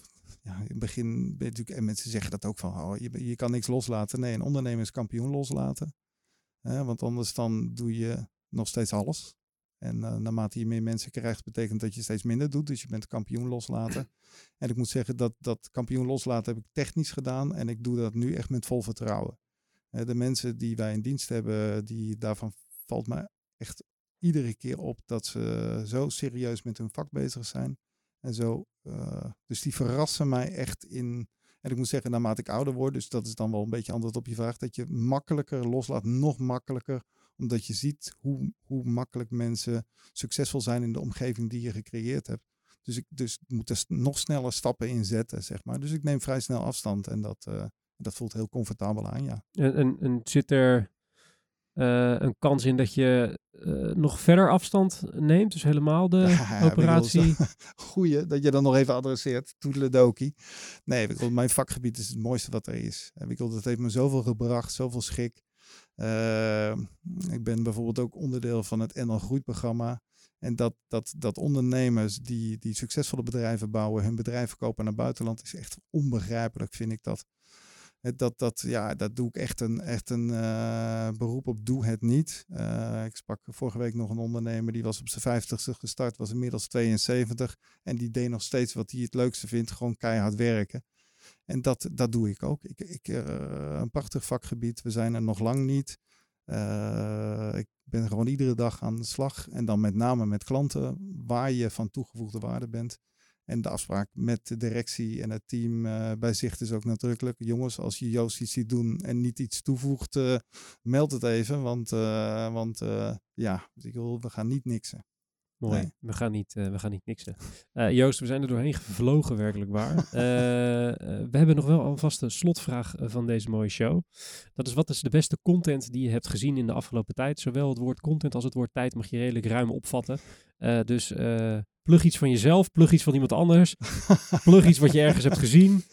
Nak jezelf uit. Ah, ik langs wel weer. We hebben natuurlijk net. Ik, ik had me zelfs voorgenomen. Ik moet het over de kerstcommercials hebben. En dat hebben we dus uitgebreid. Uitgebreid gedaan. Wil je nou nog een keer? nee, maar Laxo, dat is, dat, is, dat is commerciële content. En daar kan ik enorm van genieten. Ik, dat, dat, uh, ik zeg altijd van, uh, ja, daartussen heb je dan redactie en wie zit daar nou op te wachten? sommige nieuwsberichten worden zo vaak uitgezonden dat je denkt, nou, ik geloof het nu wel. Maar commerciële content en op een goede, mooie manier gebracht. En het métier, het reclamevak, goed uitgevoerd. En natuurlijk zijn die cashcommercials daar een fantastisch uh, voorbeeld in. En ik zou er nog aan toe willen voegen, want we hebben gekeken naar de supermarkten.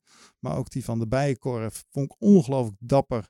Dat zijn, dat ze een hele kwalitatieve cashcommercial gemaakt hebben, uitgezonden. En ik heb genoten ook van die commercial. Nou, dat vind ik dan ongelooflijk knap. Ja. Voor, de mensen die hem niet gezien hebben, kan je hem eens omschrijven? Wat zien we? En wat maakt het nou, zo ik, ik, zag met name like, zo, het, het, prachtige beelden van de winkel. Daar kan ik van genieten. En, uh, en, en het, het kerst knalde er ook echt af. En, en weirdo. Zat ook een aspect in van een beetje apart. Dus dat betekent dat er aandacht werd besteed aan het feit van we doen niet wat iedereen doet. We gaan, we gaan daarin proberen op te vallen. Nou, dat vind ik dan, ja, dan, dan, dan bewandel je een mooie route, denk ik. Een mooie route. Uh, dank voor deze mooie route in de uitzending, Joost Ista van Zicht. Het fijn? Ja, fantastisch jongens. Dank jullie wel. Kom je snel weer? Kom, Zeker. Kom, eh, kom, uh, volgend jaar de weer. goed aan de baas. Ja, gaan we, gaan we doen. Uh, Matthijs, heb je weer genoten? Zeker. Zie ik je morgen weer. Absoluut. Fantastisch, zien we je dan. heeft u nou iets gehoord in deze aflevering van u denkt, hé, hey, dat vond ik interessant, dan kunt u dat vinden in de show notes. Dat staat in de beschrijving van deze aflevering. Met één druk op de knop in de podcast app vindt u die allemaal netjes op een rijtje. Alle referenties die we hebben gedaan in deze aflevering, ehm, die vindt u dus daar. Bent u al geabonneerd? Hartstikke goed gedaan. Bent u nog niet geabonneerd? Doe dat dan eventjes. Kan via iedere grote podcast app. Geef je collega een schop tegen zijn bureaustoel en zegt hij dat, dat hij dat ook moet doen. De brief wordt zoals iedere aflevering gemaakt door Wayne Parker Kent, onze mediapartners en Adformatie en BNR Nieuwsradio. Productie wordt gedaan door de onvolprezen Björn Zwagerman en de onvolprezen Lindsay Aten. Van die twee zit er één in de studio. Die heeft geen microfoon, maar die gaat wel wat zeggen. Yo. En de redactie wordt gedaan door Bob Harders. Dank daarvoor. Volgende aflevering is over twee weken te gast. Dan Joost Geurtsen, marketing director van New York Pizza. Ik weet wel wat we dan gaan eten. Mijn naam is Mark Schoones. Tot de volgende keer en bedankt voor het luisteren.